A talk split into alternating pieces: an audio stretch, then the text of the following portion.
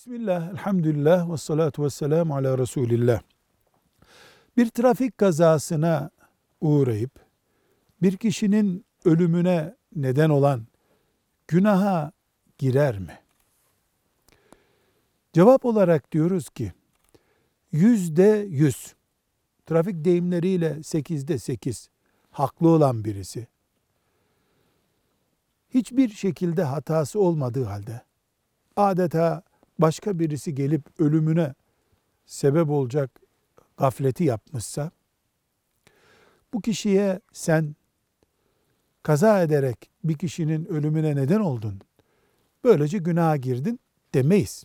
Ama mesela kış şartlarına uygun lastik, fren sisteminin zamanında yenilenmiş olması, arabanın bakımı yapılmış olması, mesela trafikte tavsiye edilen uyku kadar uyku uyumuş olma, camları vaktinde silmiş olma, iç camdaki buhuyu önlemiş olma artık neyse trafikte yüzde yüz haklıydın sen. Hiçbir kusurun yoktu deniyorsa biiznillah günahın da yoktur. Bir nebze kusur söz konusuysa iki ay muhakkak oruç tutup Allah'ın affını dilemek gerekir diyoruz. Velhamdülillahi Rabbil Alemin.